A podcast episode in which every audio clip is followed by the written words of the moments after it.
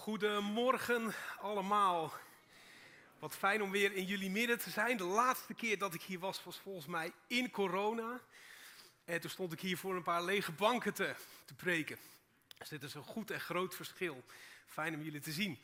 Mijn naam is Bram Dijkstra. Ik uh, woon in Rotterdam en uh, ben uh, tot eind augustus voorganger van de Crosspoint gemeente in Nieuw-Vennep. Dat is een PKN-gemeente.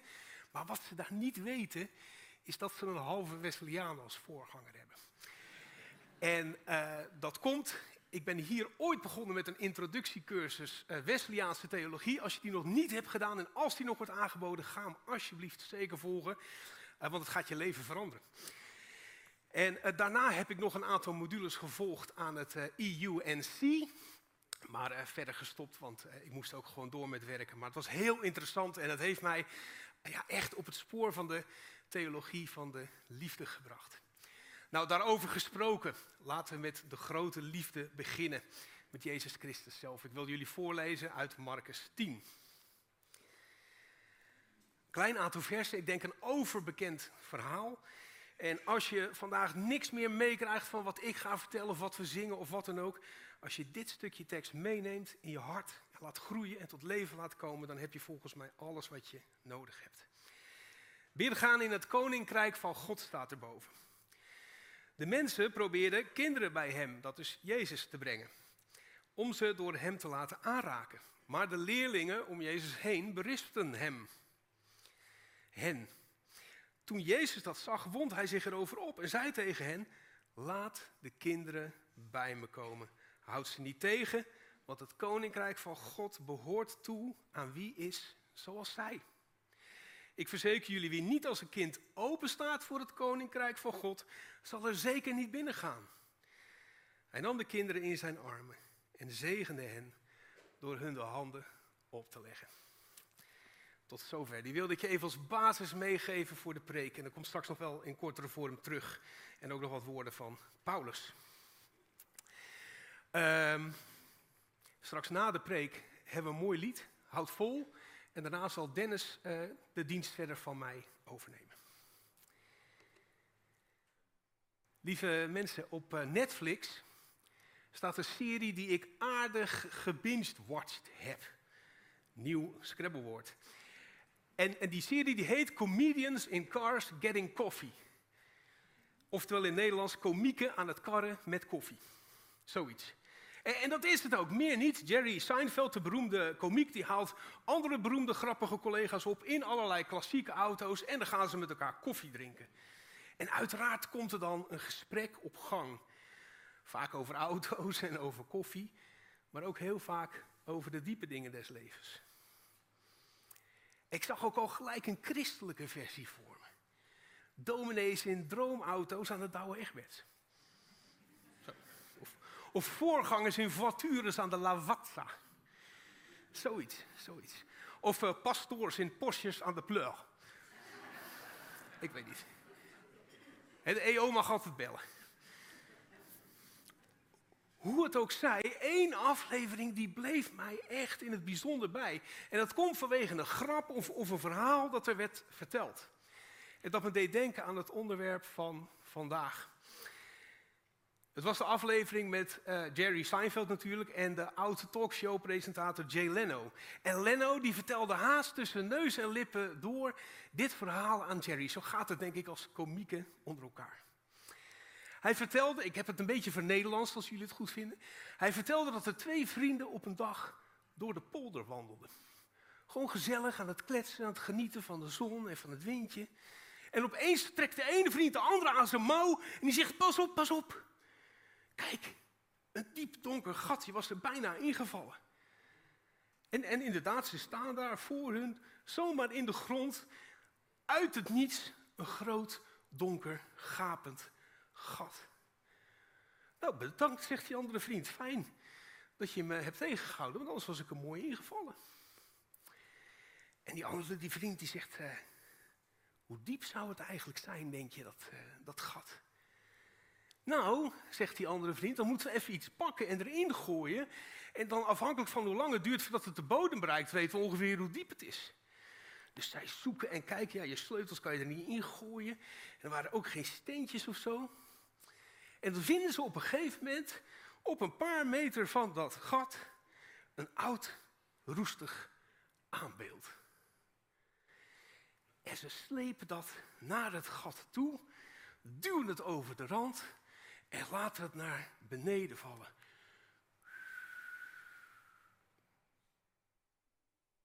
Niks. En, vol verbazing staan ze naar dat gat te staren, totdat ze opeens in de verte geklepper horen en geblaat van een, van een schaap. En opeens zien ze dat schaap ook met grote ogen op hun afgerend. En zo het gat in.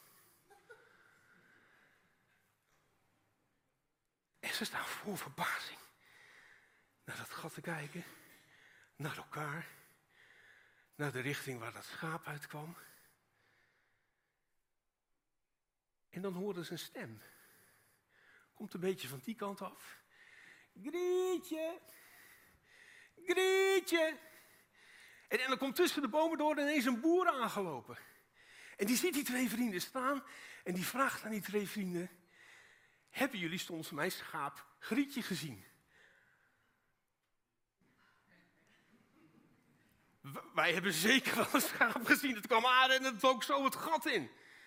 Ja, zegt die boer, dat kan niet. Mijn grietje zat stevig vastgebonden aan een aanbeeld.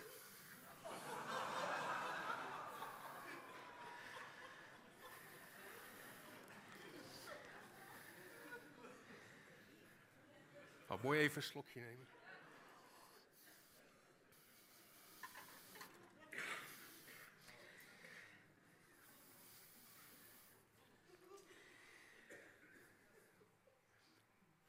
Nu de vraag. In hoeverre zou dat aanbeeld voor ons, voor jou, voor mij, een metafoor kunnen zijn voor ons geloof? Zie je, veel van ons zijn, denk ik, opgegroeid met wat ik een aanbeeldgeloof noem. Geconstrueerd uit een hele set van hele of halve zekerheden en waarheden en, en van alles en nog wat waar je echt aan moet vasthouden. En, en dat kan van alles zijn. Ik, ik, denk dat jij ook wel, als je met geloof bent opgegroeid, of misschien wat recenter tot geloof bent gekomen, ook wel een paar van die aanbeeldgeloofstellingen hebt of hebt gehad. Zoals je moet je wel aan de regels houden voor je behoud.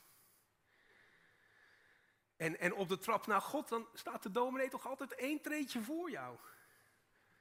Toch Dennis? en, en, deze vind ik ook altijd pijnlijk. God geeft je niet meer dan je aan kan. En ik ga straks ook een noemen uit mijn eigen leven. maar een aanbeeldgeloof is een heel vast geloof. En de waarheid van dat geloof kan en behoort niet te veranderen door de tijd heen. Standvastigheid is troef. Op geloofsvragen moet zoveel mogelijk een eenduidig antwoord gegeven worden. En, en subjectieve interpretatie van het geloof, dat is riskant, want dat brengt onbestendigheid. En onwrikbare zekerheid is nu juist het fundament van het aanbeeldgeloof. Het is een soort voor wat hoort wat systeem. Ik stop er wat in en ik krijg er wat uit. En weet je, een, een aanbeeldgeloof is, is niet per definitie slecht. De boer heeft het schaap er met alle goede intenties aan vastgemaakt. En zoals degene die ons voorgingen ons hopelijk ook met alle goede intenties op onze reis wilden begeleiden. En het aanbeeld zorgt er ook voor dat het schaap zekerheid en veiligheid kent. Het kan niet al te ver afdwalen. De boze buitenwereld kan zich niet al te veel aandienen. En, en de boer of de herder heeft het aanbeeld als het goed is op een plek gezet waar het goed toeven is. Waar er veiligheid is, en voedsel en beschutting. En de boer komt natuurlijk regelmatig kijken om voor je te zorgen en bij je te zijn. Zolang er niks misgaat, is het goed verkeren bij dat aanbeeld. Het is machtig en zwaar en onwrikbaar als een rots.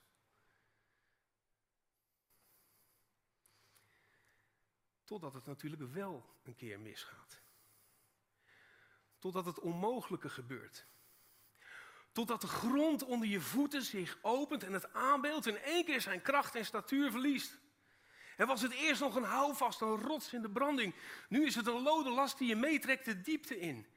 En zoals met dat schaap in de grap.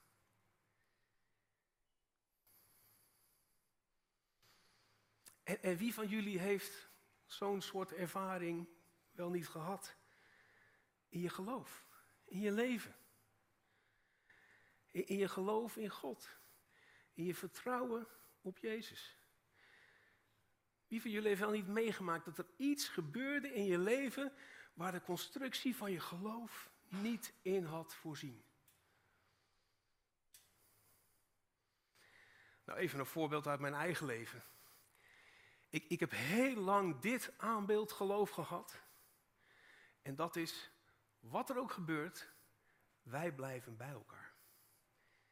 En, en met wij bedoel ik dan mijn ouders, mijn broer en ik. En tot mijn 26e werkte dat aanbeeldgeloof prima. Het was een uitstekende houvast en het hield jarenlang stand. Wat er ook gebeurde, wie er ook wegviel, wij, papa, mama, mijn broer en ik bleven bij elkaar. Oma overleed toen ik nog maar 13 was. Maar gelukkig, wij bleven bij elkaar. En een aantal jaren daarna overleed opa en het verdriet was groot, maar wij, gelukkig, bleven bij elkaar. Totdat wij niet meer bij elkaar bleven. Totdat mijn vader ernstig ziek werd. En ook niet meer beter werd. En wij afscheid moesten nemen. En het aanbeeld van mijn geloof een diepe duisternis inviel en ik het touw aan mijn been voelde trekken. Want kennelijk was mijn werkhypothese van hoe God het doet in mijn leven houdbaar tot aan de grenzen van mijn gezin. En, wat doe je dan hè, in zo'n situatie? Als je geloof op zo'n manier aangevallen wordt. Ja, je hebt eigenlijk maar twee opties, denk ik dan wel eens.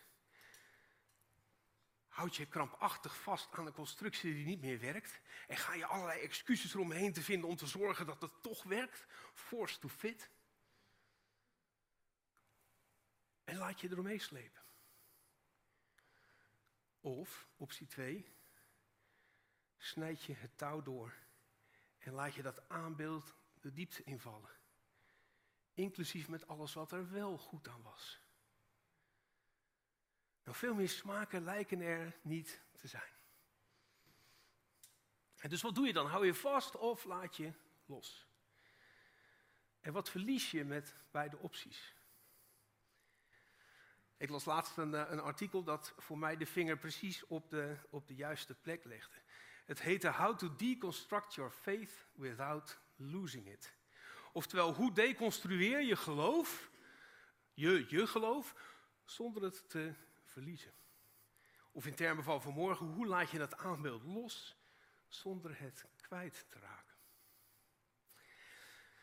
Nou, deconstructie is, is een filosofische term en uh, in kerkelijke kringen ligt die best wel onder vuur, die term, omdat men bang is dat het vooral uitloopt op optie B, lossnijden en nooit meer wat met het geloof doen. Maar toch, deconstructie is iets anders dan destructie of, of dissectie, of hoe je het maar wilt noemen. Eigenlijk is deconstructie niet meer dan het ontrafelen van het systeem waarin je leeft en waarvan je merkt dat het niet meer werkt en vervolgens de weeffout daarin oplossen op manieren die wel werken.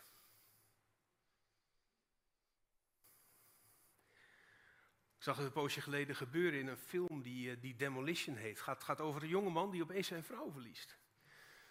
En, en in allerlei manieren waarop hij daarmee omgaat, was een van de manieren dat hij een oude kapotte computer op zijn werk pakte, die helemaal uit elkaar ging halen, alle stukjes en beetjes op zijn kamer, op zijn bureau neerlegde, alles schoonmaakte, verving wat er vervangen moest worden en vervolgens zette hij het weer in elkaar.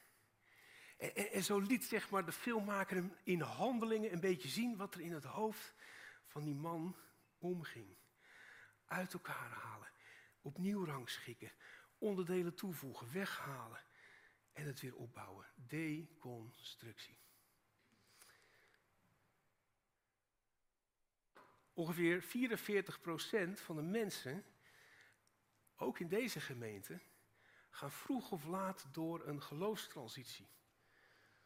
Het artikel dat ik las, dat stelt dat als je in een wat strengere cultuur bent opgegroeid, een stevige aanbeeldcultuur zo gezegd, dan verloopt zo'n transitie vaak heftig.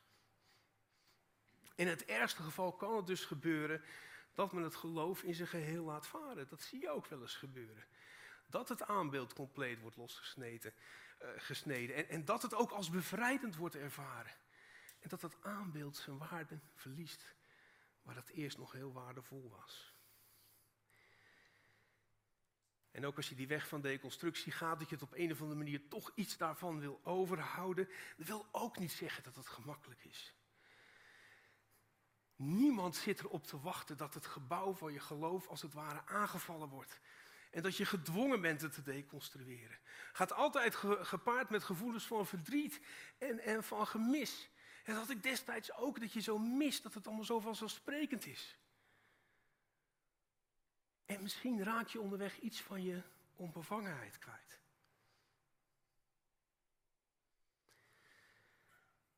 En toch, als je de Bijbel leest, is dat kennelijk een goed iets. Paulus die noemt het vaak in zijn eerste brief aan de Corinthiërs. Het kinderlijke geloof dat je had, het onvermeurbare, maar misschien ook wel onvolgroeide geloof, dat is iets wat je achter je zou kunnen laten. En, en toch ook weer mee mag nemen. Nou, hij schrijft het in de tekst die hier ook in, in beeld staat. Broeders en zusters, wees in uw denken niet als kinderen. Wees kinderen in het kwaad, maar wees in uw denken volwassen. In de traditie van de kerk worden deze woorden ook heel vaak gebruikt om, als het ware, de geloofsreis van mensen weer te geven. Dat je vanaf het, uh, uh, het zuigeling zijn, nepios in de Bijbel, tot het niveau van pater, vader in het geloof mag groeien. Een heiligingsproces. En dit is ongeveer wat Paulus bedoelt te zeggen als wij in 1 Corinthians 14, vers 20 het woord volwassen lezen. Dan staat daar eigenlijk telios, doelgericht. Dus Paulus die nodigt ons uit om onze onafverkinderlijkheid, onze ondoelmatigheid zogezegd af te leggen op weg naar volwassen doelgerichtheid in het geloof. En zo worden wij ook allemaal opgevoed in deze wereld. Vanaf dag 1 worden wij als het ware geconditioneerd om het kinderlijke af te leggen. Om volwassen te worden, om op eigen benen te staan. En heel wat van wat kinderen zo geweldig maakt, los te laten. En zo interpreteren wij Paulus dan vaak ook. Maar haaks op die gedachten lijken de woorden van Jezus te staan, die we net hebben gelezen, die overigens ook in Lucas staan. Laat de kinderen bij mij komen. Niet zomaar, want het koninkrijk van God behoort toe aan wie is zoals zij. Niet aan al die volwassenen, maar aan kinderen. Dus hoe zit dat dan? Staat dat dan niet met elkaar op gespannen voet? Nou, ik denk dat Jezus het dan toch altijd maar net even wat beter weet te verwoorden dan zijn eigen discipelen. Want wat Jezus bedoelt met het beeld van wie is zoals een kind, dat raakt misschien veel meer aan wat Paulus bedoelt dan wij vermoeden. En twee kernwoorden hierbij zijn volgens mij afhankelijkheid en ontvankelijkheid. In bijbelse tijden, en Jezus wist het precies, waren kinderen ultiem afhankelijk. Nog meer dan dat ze nu vandaag de dag zijn. Kinderen hadden nul status in de volwassen wereld van de Bijbel. Ze speelden geen enkele rol. En zelfs in het Nieuwe Testament was men niet bepaald geneigd om kinderen een bepaalde grote rol toe te dichten of op een voetstuk te plaatsen, zoals wij doen tegenwoordig. Een kind had geen macht. En het had zelfs een status die je op gelijke voet van een slaaf zou kunnen zetten. Galaten 4, vers 1. Zolang een erfgenaam, Nepios weer, onmondig is, verschilt hij in niets van een slaaf. Kinderen zijn de vlees geworden afhankelijkheid. Maar juist op dat niveau van afhankelijkheid wil Jezus ons hebben als volwassenen. Want als je zo afhankelijk bent als een kind, dan ben je ook ontvankelijk. En als je ontvankelijk bent, dan sta je open voor wat Jezus je wil geven in je leven. En wie zo als een kind afhankelijk, ontvankelijk open staat, zal het koninkrijk van God zeker binnengaan. En, hoe doen we dat dan? Jij en ik die zoveel hebben meegemaakt in ons leven, waarvan er misschien wel heel hard is geschud aan de constructie van ons geloof, misschien is het wel een stuk ingestort. En hoe gaan we met, die aanbeelden om in ons leven? Ik denk dat het uiteindelijk, en als ik Jezus zo hoor en Paulus zo lees, niet een kwestie is van of-of, wat wij altijd denken. Of je houdt het aanbeeld, aanbeeld vast, of je laat het los. Ik denk dat het veel meer een kwestie is van en, en. En je laat het aanbeeld los. En je houdt eraan vast dat is een vaardigheid die de Franse filosoof Ricoeur de tweede naïviteit noemt. dus deze volwassen naïviteit die volgt op de naïviteit die we als kind, als kind van geloof hadden. Kinderen geloven op hun eigen manier, op een naïeve wijze, magische wijze zelfs. En ze kennen verwondering. Waar het om aankomt, is om die verwondering weer terug te krijgen. En dat leidt dan tot een nieuwe naïviteit. Waarin wij volwassenen met alles wat we hebben meegemaakt, met alles wat we meedragen, met alles wat ons tegenhoudt en alles wat ons voorduwt, dat we ons opnieuw als kind helemaal kunnen overgeven aan God en zijn Zoon en aan zijn geest. In alle afhankelijkheid en ontvankelijkheid. En door hoe Jezus zo die kinderen ontvangt, nodigt Hij ons uit om opnieuw naïef te worden. Laat los en houd vast. En de beste manier waarop je dat doet, en zoals God dat ook in ons leven doet, dat gaat volgens mij ongeveer zo. Kijk, ik heb een, eh, een klein hartje meegenomen. Staat symbool voor ons. Wij denken vaak dat dit vasthouden is. En dat dit loslaten is. Laat maar vallen, laat maar gaan. Maar vasthouden en loslaten tegelijk ziet er zo uit. Je bent gedragen, je wordt vastgehouden en je bent losgelaten om je weer te mogen verwonderen. En dan weet je je gedragen en afhankelijk. En dan ben je vrij om je opnieuw te verwonderen over hoe goed God is. Je bent ontvankelijk. Dus ik wil je uitnodigen. Leg je leven in zijn hand. Laat het los. En ontdek dat hij je vasthoudt. En als het gebeurt in je leven dat je met aanbeeld en al de afgrond inzakt, dan zul je nooit dieper vallen dan in zijn hand.